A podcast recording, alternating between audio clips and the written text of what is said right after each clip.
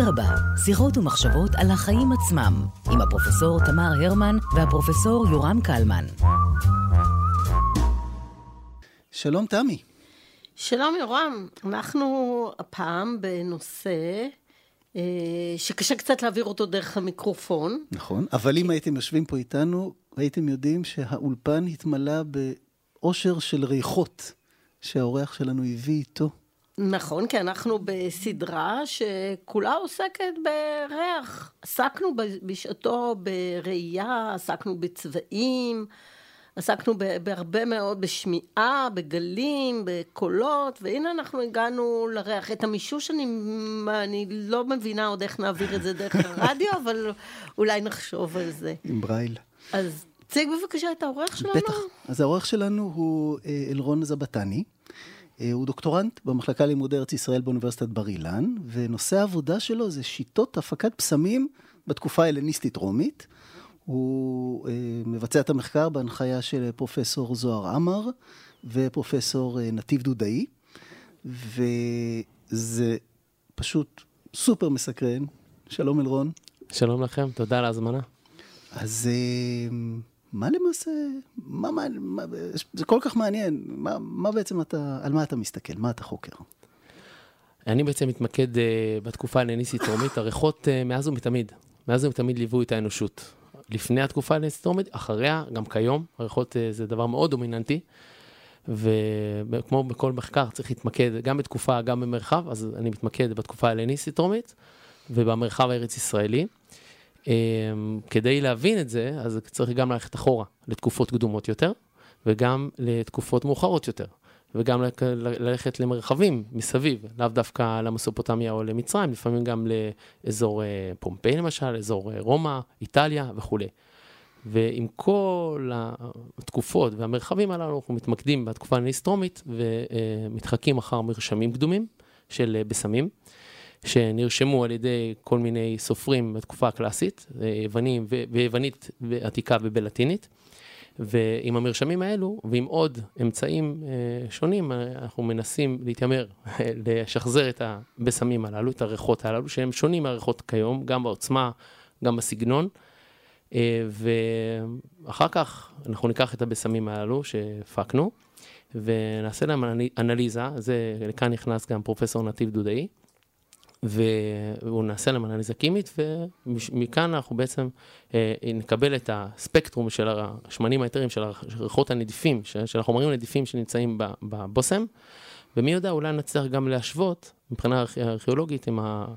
אה, שנעשה מיצוי של השאריות, נקרא residual analysis, אה, מהפקיות בושם לפני אלפיים שנה, נוכל לדעת פחות או יותר איזה בושם אולי היה שם.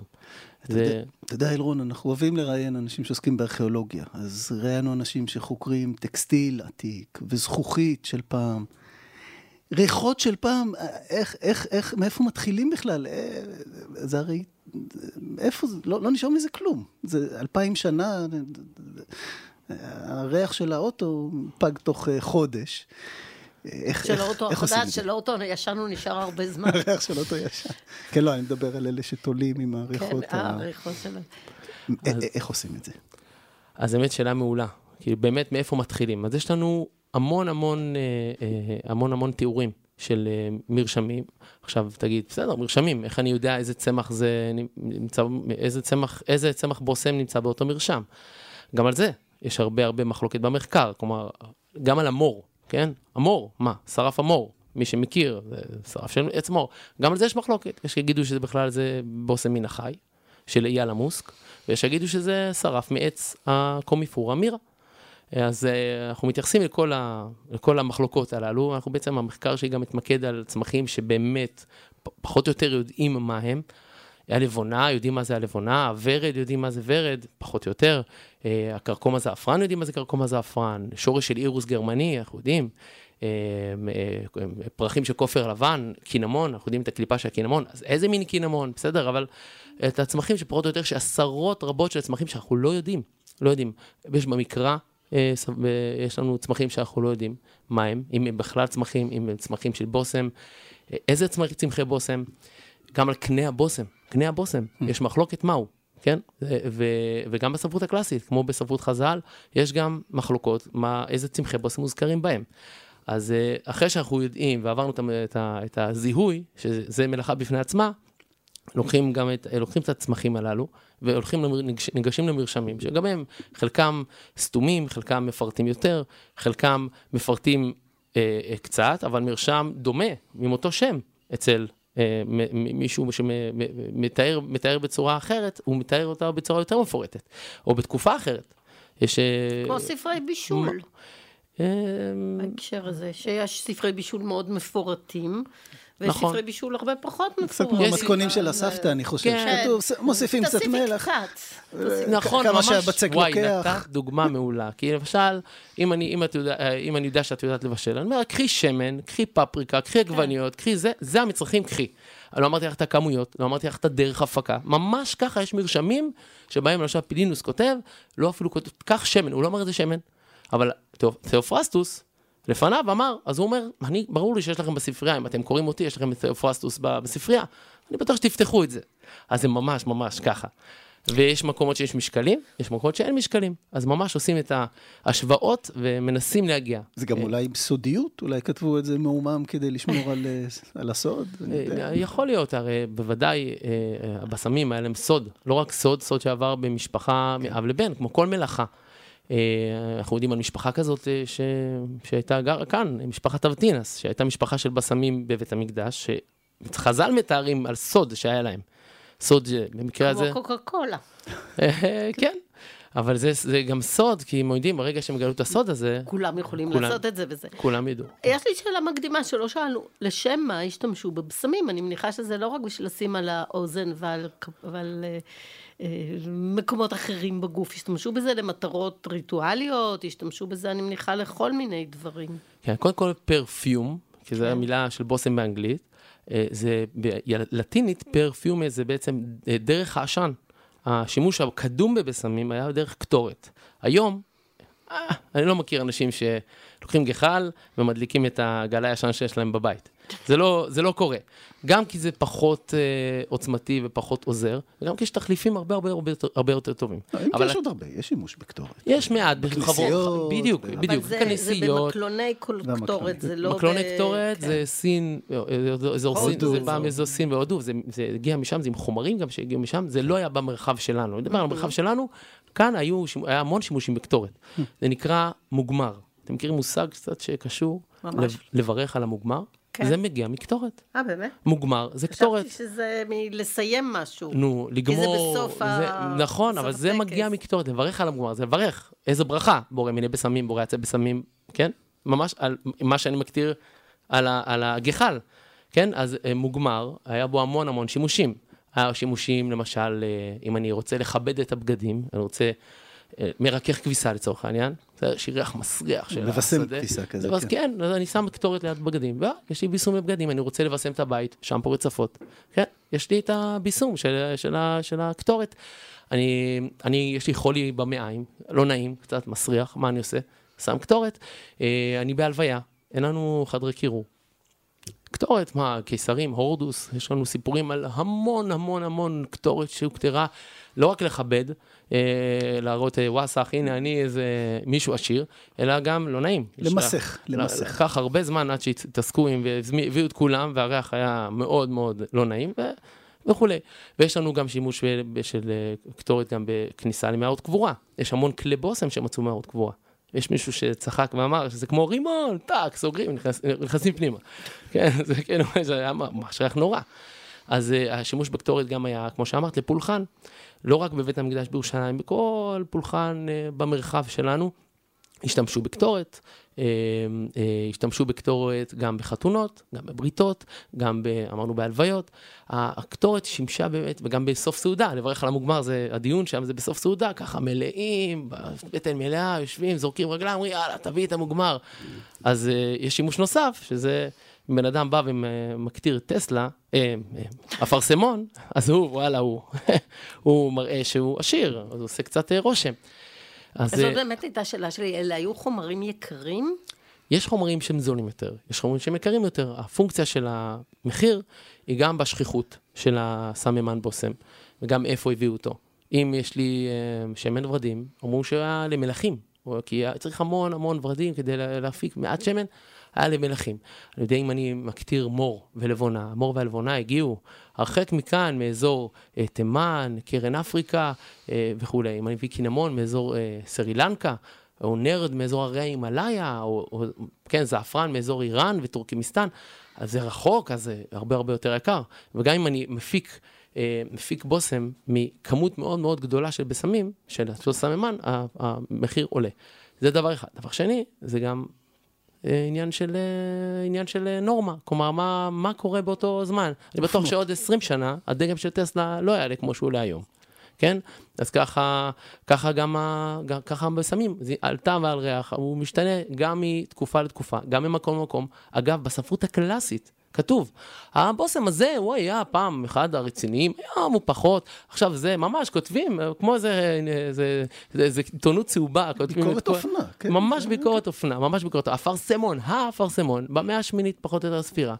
אה, הוא, הוא נעלם, הוא לא, הוא לא באמת, אה, הוא, לא, הוא פשוט, הוא היה פוסם יקר. זה אגב האפרסמון שאנחנו מכירים בכלל? זו שאלה טובה. אה, זו שאלה טובה. האפרסמון הוא, אגב, האפרסמון שאנחנו מכירים היום, הפרי, כן. זה לא קשור. קראו לו אפרסמון, אגב, מה השם, אתם יודעים איך קוראים לו, איך קוראים לו אפרסמון בלטין, איך קוראים לו באנגלית? קקי, כן? זה השם שלו, לכן אמרו, מה? בן אדם מגיע לרמי לוי, יגיד, הו, מבצע 10 קילו קקי, זה לא נעים. אז זה באנגלית, באנגלית השם שלו זה אפרסמן, אפרסמן, משהו כזה, נכון? אז אמרו, יא אפרסמן, פרסמון. יש המון שיבושים שבעברית קרו. אם כבר דיברנו על הטווס פה, שנמצא אצלכם פה באוניברסיטה הפתוחה, שהוא התוכי, שהיום בכלל זה משהו אחר. זה, אז, אז זה כאילו... אז, אז, אז לזהות אותו צריך אה, באמת אה, מסורת זיהוי וכולי.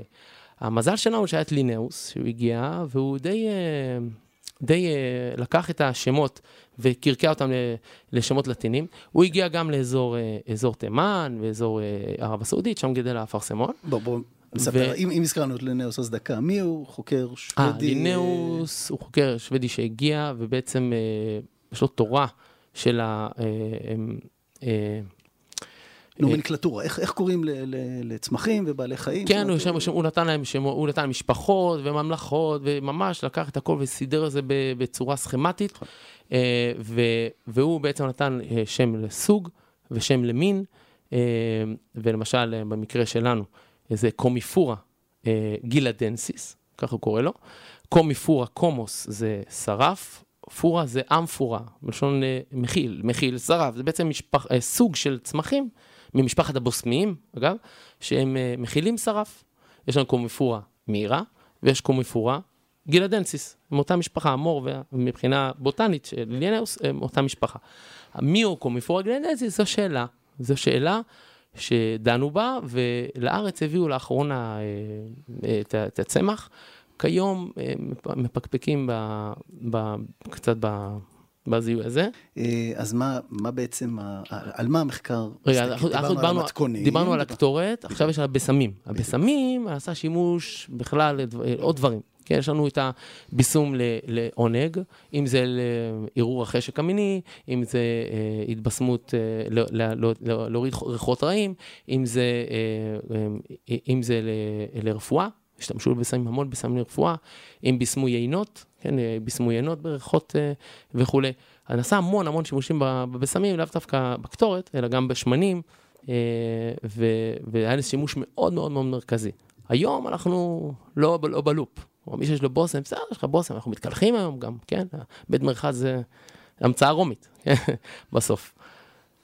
אז על מה הסתכלתם ומה גיליתם?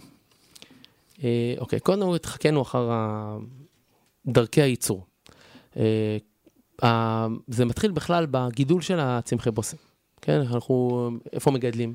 מה מגדלים? לא כל צמח גדל בכל מקום. אם דיברנו... זאת אומרת, זה גידול או ליקוט? זאת אומרת... אה, קודם כל יש את הגידול החקלאי. חקלאי, okay. חקלאי שהוא בעצם בא ומגדל את הצמחים. יש לו חלקת ורדים, הוא מטפח, הוא מגדל. יכול להיות שזה אותו אחד שילקט, יכול להיות שזה אותו אחד גם שיפיק. אבל זה מלאכה בפני עצמה, צריך לדעת איך לגדל את הצמח, איך לתרבט אותו. אפרסמון, מלאכת הגידול, הייתה למשל במרחב הארץ ישראלי, באזור בקעת הירדן, בקעת ריחו, בלבד. ולכן הבושם הזה היה מאוד מיוחד ומאוד מאוד בושם ארץ ישראלי, שהרומאים לחצו עליו עיניים וכולי. ו, ואם זה לגדל את המור והלבונה, צריכים תנאים אחרים, ואם זה את, את הזעפרן, צריך. לפקעות, צריך לרבות, לא יודע, כל מיני דברים שצריך, ויש לנו ציורי קיר ממצרים, שרואים גידול של צמחים.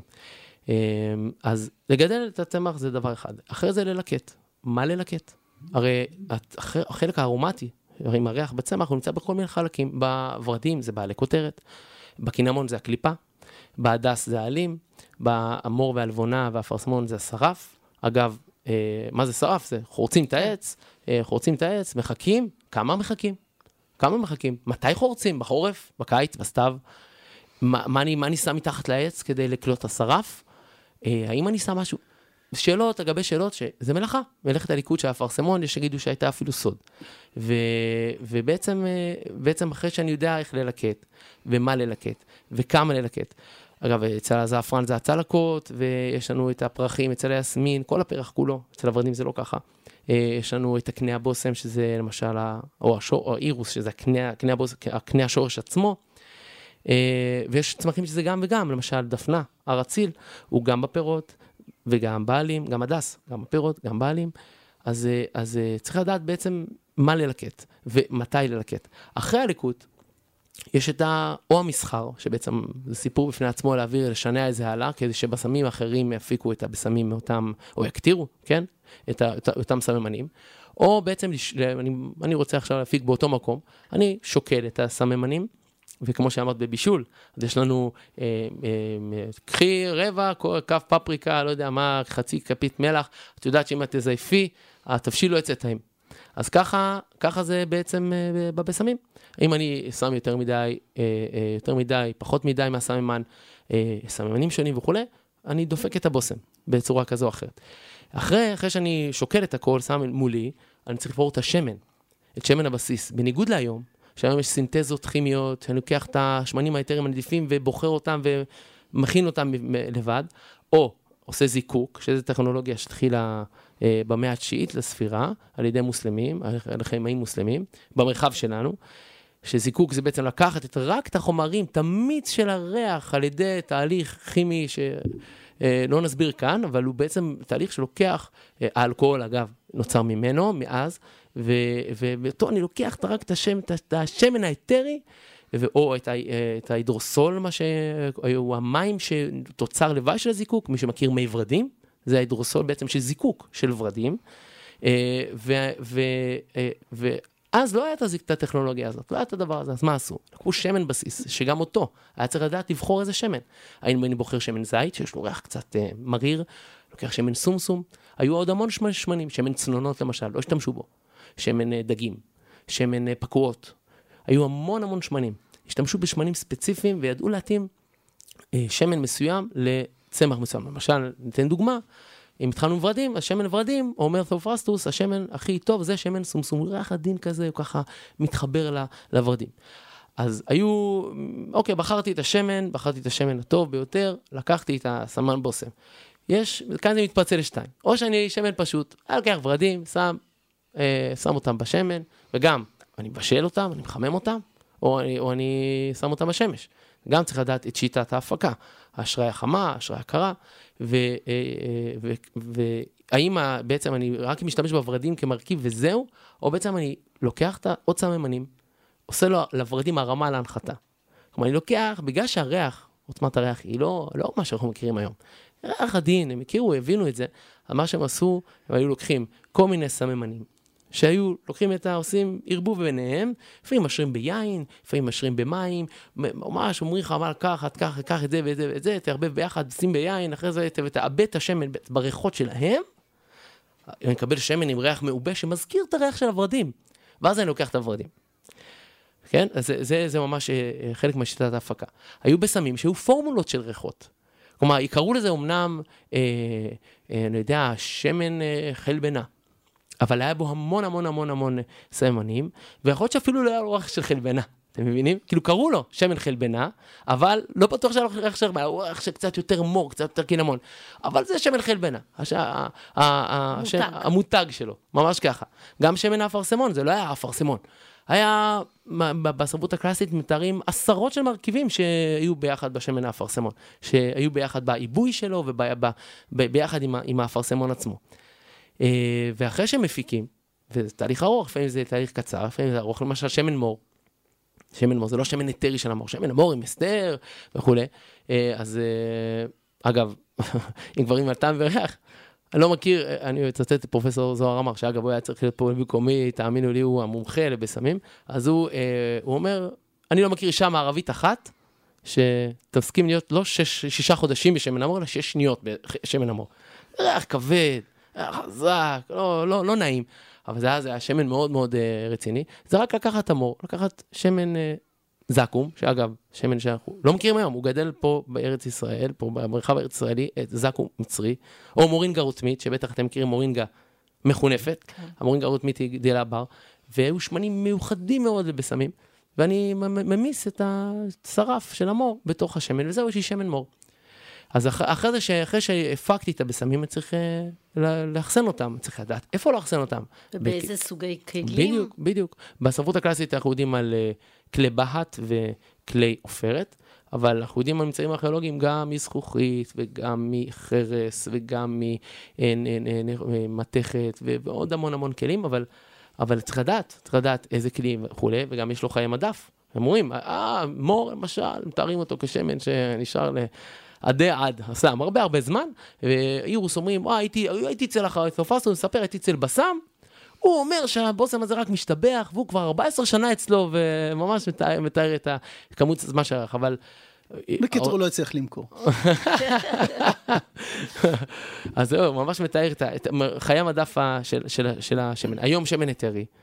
הוא נשאר ונשאר ונשאר, אתה יכול לשים אותו, ב... את הבושם שלנו היום, אה, יש לו שמונה, האלכוהול והמיצוי באלכוהול שומר את זה להרבה הרבה הרבה הרבה יותר זמן. נכון, בתנאי שאתה לא חושף את הבקבוק לאור. נכון. אתה צריך לשים את זה במקום אפל, כי אחרת זה, מאב... זה מאבד את העוצמה של הריח, או, משתנה, או שהריח משתנה. נכון, נכון, גם בשמנים. כן. אני, שמן הדס שהפקתי, שמתי אותו זה בחוץ, השמן הפך לבהיר לגמרי כמו מים. והיה לו ריח כזה, אז באמת, אה, אה, לא היו מקררים אז, כל השמנים שהבאתי פה הם, הם היו במקרר, אז, אה, אבל שלא היו מקררים, אה, היה צריך לקנות, להיות אה, לקוח קבוע אצל, אה, אצל הבשמים. אז בואו באמת נדבר על מה שהמאזינים והמאזיניות לא יכולים לראות. אתה הבאת איתך פה ערכה מלאה, ספר לנו מה הבאת ו- ולמה, זאת אומרת, איך זה קשור למחקר. אה, אז אה, אני הבאתי כל מיני דברים, אה, הבאתי כל מיני דוגמאות למשל בשמים שלאו דווקא היו מהצומח אלא מן החי, שזה לא נושא המחקר שלי, הוא נושא המחקר שהוא דווקא מן הצומח. אנחנו יכולים לראות כאן למשל בלוטה, בתוך הקופסה השחורה הזאת, בלוטה של אייל המוסק, בלוטה שבעצם הוא ככה מתחכך ומפרסם את נוכחותו היום, הבעל חיים הזה הוא בסכנת הכחדה, אייל המוסק, זה אחד זיהוי המור. אה, ויש לנו את האמבר, שזה מלוויתן רושטן, אה, שבעצם היו מוציאים את, ה, אה, את כל ההפרשות שלו ומשתמשים בהם להפקת בושם. היום בחברה הערבית, עד היום, האמבר והמוסק, שאלו, בטח, מתבשמים בזה, אני מריח. אני רואה, אני רואה שמשתמשים ממש עד, עד היום בבשמים הללו. יש לנו בושם כמו זבד. רגע, רגע, רגע תפסו לוויתנים בתקופה ההלניסטית? אה, הם היו פשוט מגיעים לחוף. אה, היה אוקיי, לאחרונה אוקיי. שהגיע לתימן, אה, היה אוקיי. לזה בחדשות, שלקחו ולקחו קילוגרמים שלמים של זה. כן, הוא היה ממש מגיע לחוף והיו מוצאים את ה... זה, אבל היו למשל בשמים מהחומר הקרני של רכיחות כמו צדפים כאלו, שיגידו שזה הציפורן או השכלת. שהיו בעצם משרים את זה ביין וקודשים את זה, מקטירים לקטורת. וזבד אפריקנים, אתם מכירים את הקופי לואק, מכירים קופי לואק, קפה הכי יקר, שהוא נכנס לתוך מערכת העיכול.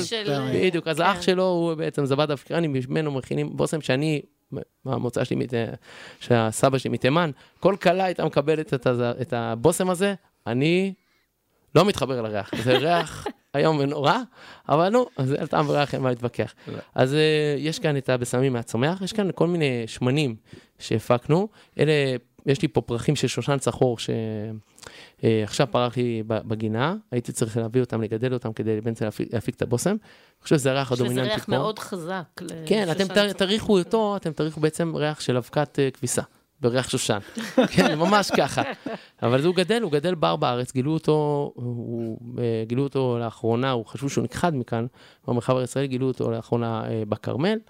אצלי פרח עכשיו היסמין בגינה. לא, יסמין הוא פורח הרבה. ונכנסים הביתה, נכון. וזה ממש פצצת ריח, זה נפלא. כן, יסמין רפואי, יסמין, כנראה יסמין רפואי, או יסמין הנפוץ הוא קודם מריחים ואז רואים. נכון? ממש, ממש ממש, ככה. אתה מתקרב לבית ברחוב, והריח הוא ממש... אה, ויש גם את, אה, את הדבשית, שגם נכון. גם, גם אתה מתקרב, אתה נכון. מריח פתאום ריח של דבש, למרות שזה לא נכון. קשור לדבש, זה רק מתחבר אצלנו בראש. אה, נכון, אגב, גם בספרות הקלאסית מתארים את הריחות שהם אה, כבר מרחוק מריחים, ויש כאלה שיגידו שמריחים את הקינמון, שזה היה שריפה שהריחו עד קילומטרים.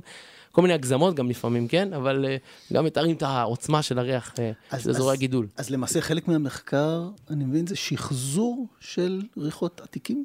כן, אז לקחת כל סממן בושם, כל צמח, אה, ולתאר אותו גם מבחינה בוטנית, גם אה, מאיפה איפה המוצא שלו, גם איפה הוא מוזכר במקרא, אם הוא מוזכר במקרא, גם איפה הוא מוזכר בחז"ל ובספרות הקלאסית, ויש המון חיבורים בין הספרות הקלאסית לספרות חז"ל, כי בסוף חז"ל צרכו את הספרות הקלאסית, יש לנו אה, מרשמים שנמצאים אצל חז"ל, מרשם כמו שמן המשחה, אה, שהוא מוזכר במקרא, וחז"ל מתארים אה, איך עשו אותו, ויש מחלוקת אחר כך בתקופות יותר מאוחרות, איך בדיוק הפיקו. אנחנו אה, שם יחד, המשחה שימש שם בבית המקדש. אה, ש- משיכת מלכים, משיכת הכוהנים, משיכת... אתמול משכו את המלך נ- צ'ארלס השלישי, נכון. ובאמת משכו אותו בשמן שמקורו בירושלים. אה, אז כנראה שזה פשוט בסיס אה, נוצרי לשמן המשחה, כמשיכת מלכים. לעצמי. אני באמת לא יודעת ממה הוא מורכב, אבל בפירוש אה, דיברו על זה שהשמן הזה מקורו בירושלים, ומאז מעניין. כבר אלף שנה הם משתמשים בשמן, ב- למשיכת מלכי אנגליה, בשמן שמגיע מירושלים. איזה יופי. אז זה שימור, שימור אותו פולחן. כיוון שאנחנו לקראת סיום, הצלחתם, שחזרתם בושם עתיק, מה, מה עושים איתו? מוכרים אותו? כותבים על זה מאמר, אני משער. אמ, אנחנו, תראה, קו- קודם כל, שאלת על, שאלתם על, אמ, על אה, אה, איפה זה היום, נכון? הדבר הזה, כל התרבויות ההולכות ונעלמות הללו, הקדמה, המהפכה התעשייתית, אה, פשוט דרסה כל, אה, כל אה, מלאכה קדומה, ומה שפרופסור זוהר אמר עושה, שוקד עליו עשרות שנים, זה בעצם העניין הזה של לקחת את המלאכות האלה, שקפאו, כאילו קפאו בזמן, לחדש אותם. ולחדש אותם. אז uh, יש מחקר שהוא עשה על אילת המאסטיק, למשל, שגדלה פה בארץ ישראל, והוא הלך לאיכיוס. אגב, בספרות הקלאסית מתואר איכיוס ביוון, שהוא כאי שמגדלים בו את השרף הזה. אה, אני יכול להראות לכם פה שקית, כתוב לה אה, ממש ביוונית, איכיוס, השרף של הוא הלך לשם, וראה את איך הם מפיקים שרף מהאילת המאסטיק, סליחה, והוא שחזר את זה פה, על עצים פה בארץ ישראל, והוא גילה, ושזה בעצם יכול להיות מסחרי גם.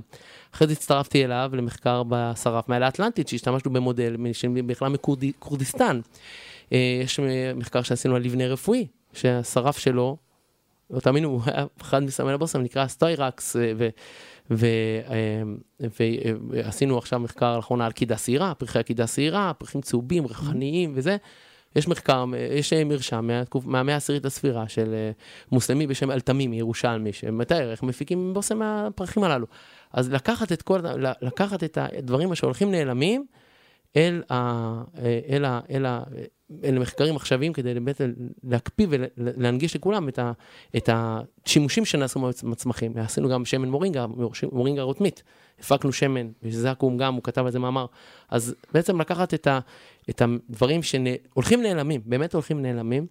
הוא גם בעצמו היה בכל מיני מקומות בעולם שהוא חוזר אליהם, והוא אומר, זהו, אנשים הלכו להייטק. אנשים עזבו את הכל. אז כל כך החשיבות של לתעד את מה שהולך ונעלם, וגם גם המרחב הארץ ישראלי. ודבר שני, השחזור הריחות, אני רוצה להריח מה אירחו אבות אבותיי פה לפני אלפיים שנה. ויש לי את האפשרות, וזה מיוחד. כמו אני עכשיו מורח עליי שמן שהפקתי לפני כמה דקות, אבל הוא בן אלפיים שנה. ודבר אחרון זה לדעת גם, למחקר, לדעת מה נמצא אולי בכלים שעשו את הרזידו, אנליזיס בעצם אה, גילו למשל קינמון. אנליזה ש... של המשקע, אנליזה, כאילו, של מה שנשאר ששאריות, בקרן. ש- שארית, כן. ואז בעצם, אה, למשל, אה, זה לאחרונה, זה מחקר שהוא התחיל, החל לאחרונה, גילו קינמון למשל בכל, בכמה מקומות בארץ מתקופת הברזל, וגילו וניל בעיר דוד, נכון, אה, נכון, הווניל, כן. וניל זה ו- לא מדרום אמריקה? זה מ- מהמזרח הרחוק. אוקיי. זה ממש. לשם, אוקיי. אז ו- וכולם תפסו את הראש, איך היה בירושלים וניל. כן, אז זה- ממש אה, מופלא לראות איך באמת אה, הדברים האלה מתחברים. אז אה, אני מקווה שזו תרומה שלי, המשבצת זה- הקטנה הזאת. זה מאוד במחקר. מרתק, וגם מאוד מעניין האם הריחות השפיעו על אנשים באותו אופן.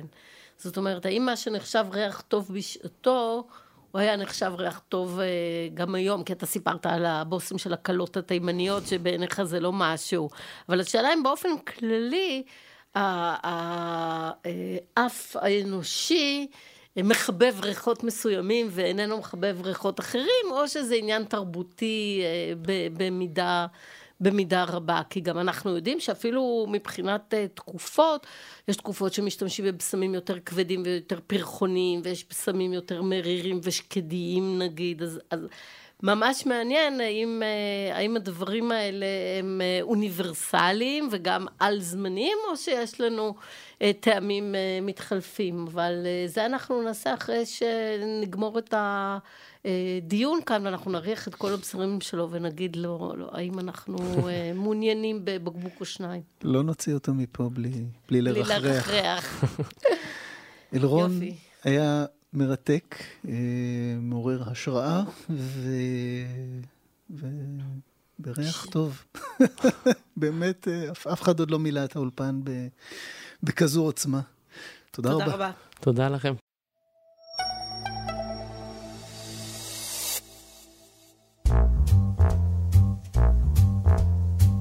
אדרבה, שיחות ומחשבות על החיים עצמם, עם הפרופסור תמר הרמן והפרופסור יורם קלמן.